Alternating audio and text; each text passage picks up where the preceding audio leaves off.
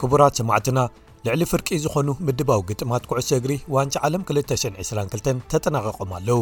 ናብ ናይ መወዳእታ 16 ዝበጽሓ ሃገራትን መጋጥምተን መነመን ምዃነንን ተፈሊጦም ኣለዉ መበል 11 መዓልቲ ረቡዕ ኣብዚ ኣብ ኣውስትራልያ ከኣ ሓሙስ ወጋሕታ ጉዕዞ ኣውስትራልያ ኣብ ዋንጫ ዓለም ዝውስን ነይሩ። ፈረንሳ ምሕላፋ ስለ ዝረጋገጸት ንገለ ተጻወትታ ዕድል ክትህብ ክትፍትን እንከላ ቱኒዝያ ኣውስትራልያ ክትሰዓረላን ንፈረንሳ ናይ ምስዓር ዕድላ ክትጥቀመሉን ዴንማርክ ከኣ ክሳብ ዋንጫ ዓለም ዝበጽሕ 30 ሽቶታትን ትሽዓተ ተኸታተልቲ ዓወታትን እንተመዝገበት እኳ ኣብ ቐጠር ግን ክሳብ ሕጂ ሓንቲ ሽቶ ጥራይ ኣመዝጊባ ናብዚ መዓልቲ በጺሐን። ኣውስትራልያ ንፈለማ ግዜ ኣብ ዝሓለፉ 16 ዓመታት ናብ ግጥማት ኣውዲቕካ ምሕላፍ ክትሓልፍ ዓብዪ ዕድል ሒዛ ኣትያ ንዴንማርክ እንተስዒራታ ብቐጥታ ካልኣይቲ ኮይና ንፈረንሳ ተኸቲላ ትሓልፍ እንተተሳዒራ ኣይትሓልፍን ማዕረ እንተወፂዓ ኸኣ ውፅኢት ግጥም ቱኒዝያን ፈረንሳን ወሳኒ ይኸውን በዚ መሰረት ከኣ ቱኒዝያ ብዋህቢ ካዝሪ ኣቢላ ኣብ መበል ሓምሳን ሸሞንተን ደቒቕ ቀዲማ ሽቶ ብምምዝጋባ ኣውስትራልያ ክትስዕር ግድን ኮይኑ። ማቲው ለኪ ኣብ መበል ሱሳ ደቒቕ ሽቶ ኣመዝጊቡ ሻቕሎት ኣውስትራልያውያን ደገፍቲ ክሃድእ ሓጊዙን ዕድል ምሕላፍ ኣውስትራልያ ክረጋገጽ ገይሩን። ንቱኒዝያውያን ዓወት ኣብ ልዕሊ ፈረንሳ መጸናንዕን ኣብ ልዕሊ ገዛኢቶም ነበር ሕነ ዝፈድዩሉን ጥራይ ኮይኑ ተሪፉ። ናብ ዝቕጽል ዙር ከይሓለፉ ተሪፎም ክንሶም ደገፍቶምን ደገፍቲ ገለ ሃገራት ዓረብን ኣፍሪቃን ሓጎሶም ካብ ምግላጽ ኣይቋረጹን። ንኣውስትራልያ ግን ምስ ፈረንሳ ማዕረ ነጥቢ ኣዋህሊላ ብብዝሒ ሽቶታት ጥራይ ተበሊጻ ናብ ዝቕጽል ዙር ናይ መወዳእታ 16 ኣውዲቕካ ምሕላፍ ምሕላፋ እቲ ሕልሚ ክቕጽል እዩ እቲ ግጥም ኣብ ዶሓ ኣብ ዝካየደሉ ዝነበረ እዋን ኣብዚ ኣብ ኣፍ ደገ ስቱድዮ ስbs ዝርከብ ኣደባባይ ፈደሬሽን ስኩር ዝተኣከቡ ደገፍቲ ኣውስትራልያ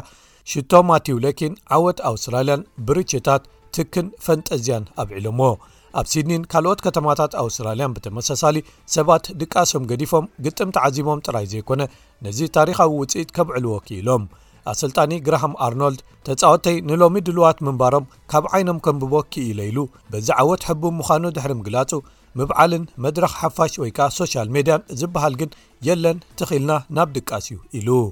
ምብዓል ዝበሃል የለን ከምቲ ነቶም ኣወዳት ዝበልክዎም ከምኡ ስለ ዝኾነ ኢና ድሕሪ ዓብዪ ዓወት ናይ ቱኒዝያ ነዚ ተዓዊትና ዘለና ምብዓል የለ ስምዒት የለ ድቃስ እዩ ሶሻል ሜድያ የለን። ነታ ሽቶ ዘመዝገባ ማቲው ለኪ ከምዚ ክብል ስምዒቱ ገሊጹ።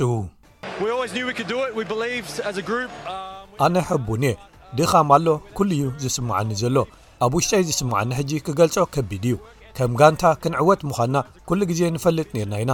ዝጠራጠሩና ነይሮም እዮም ግን መንፈስና እምነትና ፃዕርናን ክሳብ ክንደይ ነንሓድሕድና ንቀራርብ ኣብ ሜዳ ኣርእና ኢና ብፍላይ ናይ መወዳእታ 15 20 ደቃይቕ ክሳብ መወዳእታ ተማዊትና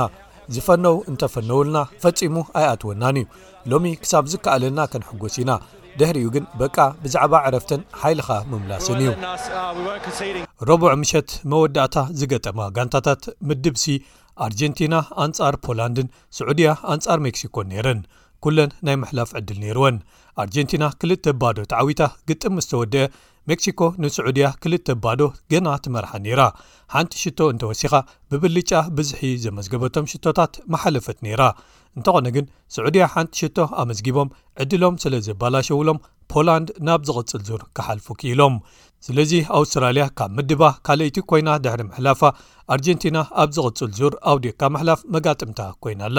ፈረንሳ ከኣ ፖላንድ ክትገጥማ ምዃና ተረጋጊጹ ኣሎ። እቶም ቀዳሞት ጽምዶታት ኣውዲቕካ ምሕላፍ ካብ ምድባት ኤይን ቢን ኣብ ዓስራይ መዓልቲ ማለት ሰሉስ ኣብዚ ኣብ ኣውስትራልያ ከኣ ረቡዕ ንግሆ ተፈሊጦም።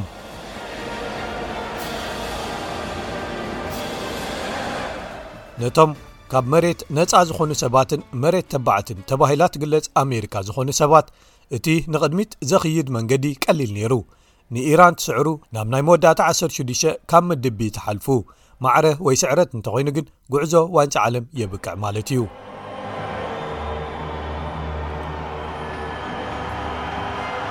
ሃገራውያን መዝሙራት ኢራንን ኣሜሪካን መብዛሕትኡ ግዜ ኣብ ሓደ ግዜ ኣብ ሓደ ቦታ ክጽወታ ኣይስምዓን እየን። ስፖርት ግን ፖለቲካ ንዝፈጥሮ ጋግ ከዐሪ ወይ ከቀራርብ ይኽእል እዩ። ንምፍጣር ጋግ ኣብ ሜዳ ኩዕሶ እግሪ ብዝምልከት ግን ኣብዚ ኣዝዩ ኣገዳሲ ግጥም ኣሜሪካ እያ ነቲ ተበግሶ ዝወሰደቶ እቲ ዝበለጸ ተጻዋታ እያ ክሪስትያን ፖሊስች ሰርጂኖ ደስ ዘቐበሎ ኩዕሶ ኣብ መበል 38 ደቂ ሽቶ ኣመዝጊብዋ ናይ ሓደ ባዶ መሪሕነት ሒዛ እንተኾነ ግን ንሱ ነታ ሽቶ ከመዝግባ እንከሎ ምስ ሓላው ልዳት ኢራን ተጋጭኡ ይሳቐ ስለ ዝነበረ ነታ ኣብ ስፖርታዊ ህይወቱ ሓንቲ ካብተን ኣገደሲ ሽቶታት ከብዕላ ኣይከኣልን እተን ጋንታታት ዕረፍቲ ኣብ ዝወጻሉ ተቐይሩ ወጺኡ። ኢራን እውን ውሑዳት ሽቶ ከተመዝግበለን ትኽእል ዕድላት ፈጢራ እያ፣ እንተኾነ ግን ዝበዝሐ ክፋል ግጥም USA ተቋጻጺራቶ ነይራ። ብዘይካ ውሑዳት ፍርሒ ዝመልአን ህሞታት ኣብ ምክልኻል ካብ መጥቃዕቲ ኢራን ኣሜሪካ ዝበዝሕ እዋን መሪሕነት ሒዛ ነይራ። ኣብ መወዳእቱ እቲ ግጥም ሓደ ባዶ ተዛዚሙ። ኣሜሪካ ካብ 2014 ንኔው ንፈለማ ግዜ ኣብ ግጥማት ኣውዲቕካ ምሕላፍ በጺሓ ኣላ። ዝሓለፈ ዓመት ናብ ዋንጫ ዓለም ፈጺማ ኣይሓለፈትን ነይራ ኣሰልጣኒ ግሬግ ቤር ሆልተር ጋንትኡ ክልተ ዝተፈላለዩ ጎድነታታ ኣብዚ ግጥም ኣርያ ኢሉ እንታይ ክንገብር ንኽእል ብመንፅር ኩዕሶ እግሪ ኣብ ቀዳማይ ክፋል ኣመስኪርና ኢና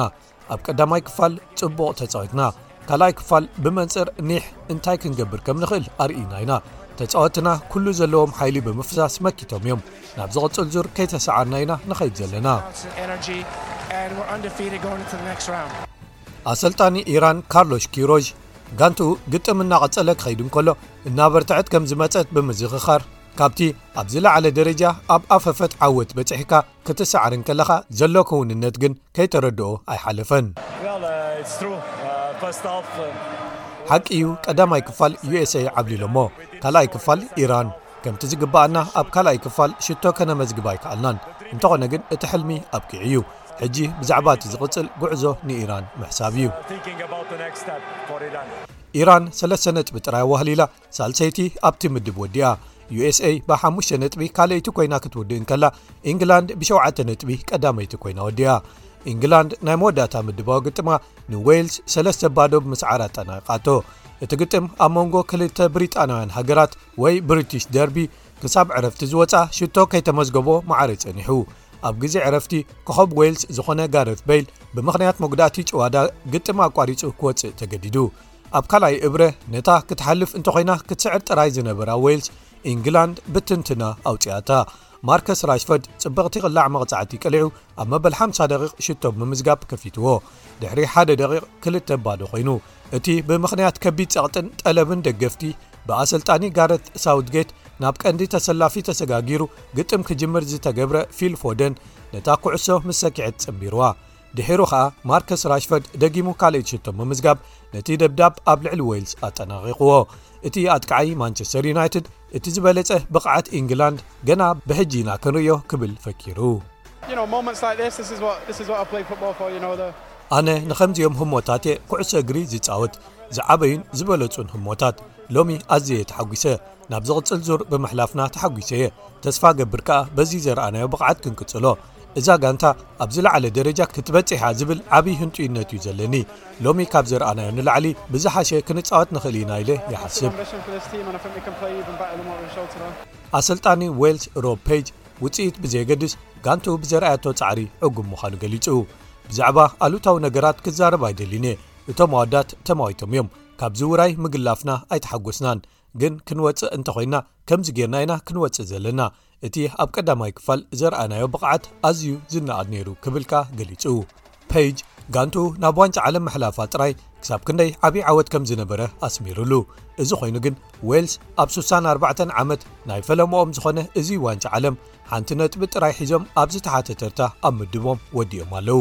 መጋጥምቲ ኢንግላንድ ኣብ ዝቕጽል ዙር 16 ሃገራት ሰነጋል ክትከውን እያ ሰነጋል ምስዓር ኣድልዎም እዮም ናብ ናይ መወዳእታ ግጥም ምድብ ኤይ ኣንጻር ኢኳዶር መጺኦም እቲ ዝነበረ ግጥም ከኣ ላዕልን ታሕትን ዝበዝሖ ነይሩ ኣትከዓይ ሰነጋል እስማዒል ኣሳር ቅድሚ ምውዳእ ቀዳማይ ክፋል ጸወታ ፍጹም ቅላዕ መቕጻዕቲ ረኺቡ ባዕሉ ኣመዝጊብዋ። ሞይሰስ ካይሴዶ ኣብ መበል ሱሳን ሸውዓተን ደቒቕ ንኢኳዶር ሽቶ ኣመዝጊቡ ማዕረ ኰይነን። ነዊሕ ግን ኣይጸንሓን። ምናልባት ብሉጽ ተጻዋታይ ሰኔጋል ክበሃል ዝከኣል ሓለቓ ጋንታን ተኸላኻላይን ኻሊሉ ኩሊባሊ ብላዕሊ ቀሊዑ ድሕሪ ሰለስተ ደቒቕ ንሰነጋል መሪሕነት ደጊማ ክትሕዝ ገይሩዋ። ንዕኡ ዓቂባ ከኣ ዓወት ኣመዝጊባ። ድሕሪ ክልተ ሽሕን ክልተን ከኣ ንፈለማ ግዜ ናብ ኣውዲቕካ ምሕላፍ በጺሓ ኣላ። እዚ ኸኣ ስምዒታዊ ጉዕዞ ንሰነጋል እዩ ነይሩ። ድሕሪኡ ኣሰልጣኒ ኣልዩ ሲሰይ ነዚ ዓወት ንኽብሪ'ቲ ቅድሚ ምጅማር ዋንጫ ዓለም ብምኽንያት መጉዳእቲ ክሳተፍ ዘይከኣለን ብዙሓት ሰባት ንሱ እንተዘይሃልዩ ደኣ ናብ ኣውዲቕካ ምሕላፍ ክትሓልፍ ኣይትኽእልን እያ ኢሎም ክሓስቡ ዘገደዶምን ኮኾብ ተጻዋታይ ሳድዮ ማነ ኣወፍይዎ። ኩሊባሊ ብወገኑ ነዚ ዓወት ንቤተሰብ'ቲ ቅድሚ ክልተ ዓመት ኣብ መበል ኣርብዓን ክልተን ዕድሚኡ ዝሞተ ፓፓ ቦፓ ዲዩፕ ኣወፍይዎ ኣሎ። ድዩፕ ኣብ ዋንጫ ዓለም 2002 ነታ ወትሩ እትዝከር ሽቶ ኣንጻር ፈረንሳ ዘመዝገበን ክሳብ ግጥማት ርብዒ ፍጻሜ ዝበጽሓትሉ ዘይሃስስ ጉዕዞ ክትምርሽ መንገዲ ዘጣጥሕን ነይሩ ሰነጋል ኣብ ምድብ አ 6ዱሽ ነጥብታት ኣዋህሊላ ካልኣይ ክትውድእን ከላ ኢኳዶር ብ4 ነጥቢ ሳልሰይት ወፅያ ኔዘርላንድስ ንኣንጋዲት ሃገር ቐጠር ክልተ ባዶ ስዒራ ብሸውዓተ ነጥቢ ኣብቲ ምድብ ዝለዓለ ቦታ ብምሓዝ ምድባዊ ጉዕዞኣ ኣጠናቒቓ ኣጥቃዓይ ኮዲ ጋግፖ ሕጂ ኣብዚ ውራይ ኣብ ኩሎም ሰለስትኦም ግጥማት ሃገሩ ሽቶ ኣመዝጊቡ ዘሎ ማለት እዩ ነቲ ግጥም ኣብ መበል 26 ደ ሽቶ ብምዝጋብ ከፊትዎ ኮኸብ ኣከፋፋሊ ፍራንኪ ድዮን ኣብ ካልይ ክፋል ፀወታ ነታ ካልይት ሽቶ ኣመዝጊብዋ ቐጠር ዝኸፍአ ውፅኢት ብሓንቲ ኣንጋዲት ሃገር ዘመዝገበት ብምዃን ብዘይ ነጥቢ ኣብ ዝተሓተ ቦታ ኣብቲ ምድብ ወዲኣ ኣሰልጣኒ ፍሊክስ ሳንቸዝ ግን በቲ ኣንጻር ኔዘርላንድ ዘርኣየቶ ምንቅስቓስ ቅሩብ ክብራ ኣምሊሳያ ካብዚ ውራይ ትፋኖ ዘላ ክብል ገሊጹ ንሓያሉ ደቓይቕ ኣንጻሮም ክንምክት ክኢልና ኢና እወ ንሶም ሓያላት ጋንታ እዮም ርግጺ ውጽኢት ከኣ ከነመዝግብ ኣይከኣልናን እቶም ተጻወቲ ግን ኩሉ ዝከኣሎም ገይሮም ኢለ ይሓስብ ከምኡ ዓይነት ብቕዓት ከነርኢ ኣብዚ ናይ መወዳእታ ግጥም ከኣ ንዓና ዓብዪ ተመክሮዩ ነይሩ ኔዘርላንዳውያን ሕጂ ኣብ ናይ መወዳእታ ዓሰርተ ሽዱሽተ ዙርያ ኣውዲቕካ ምሕላፍ ኣንጻር ዩናይትድ ስቴትስ ክገጥሙ እዮም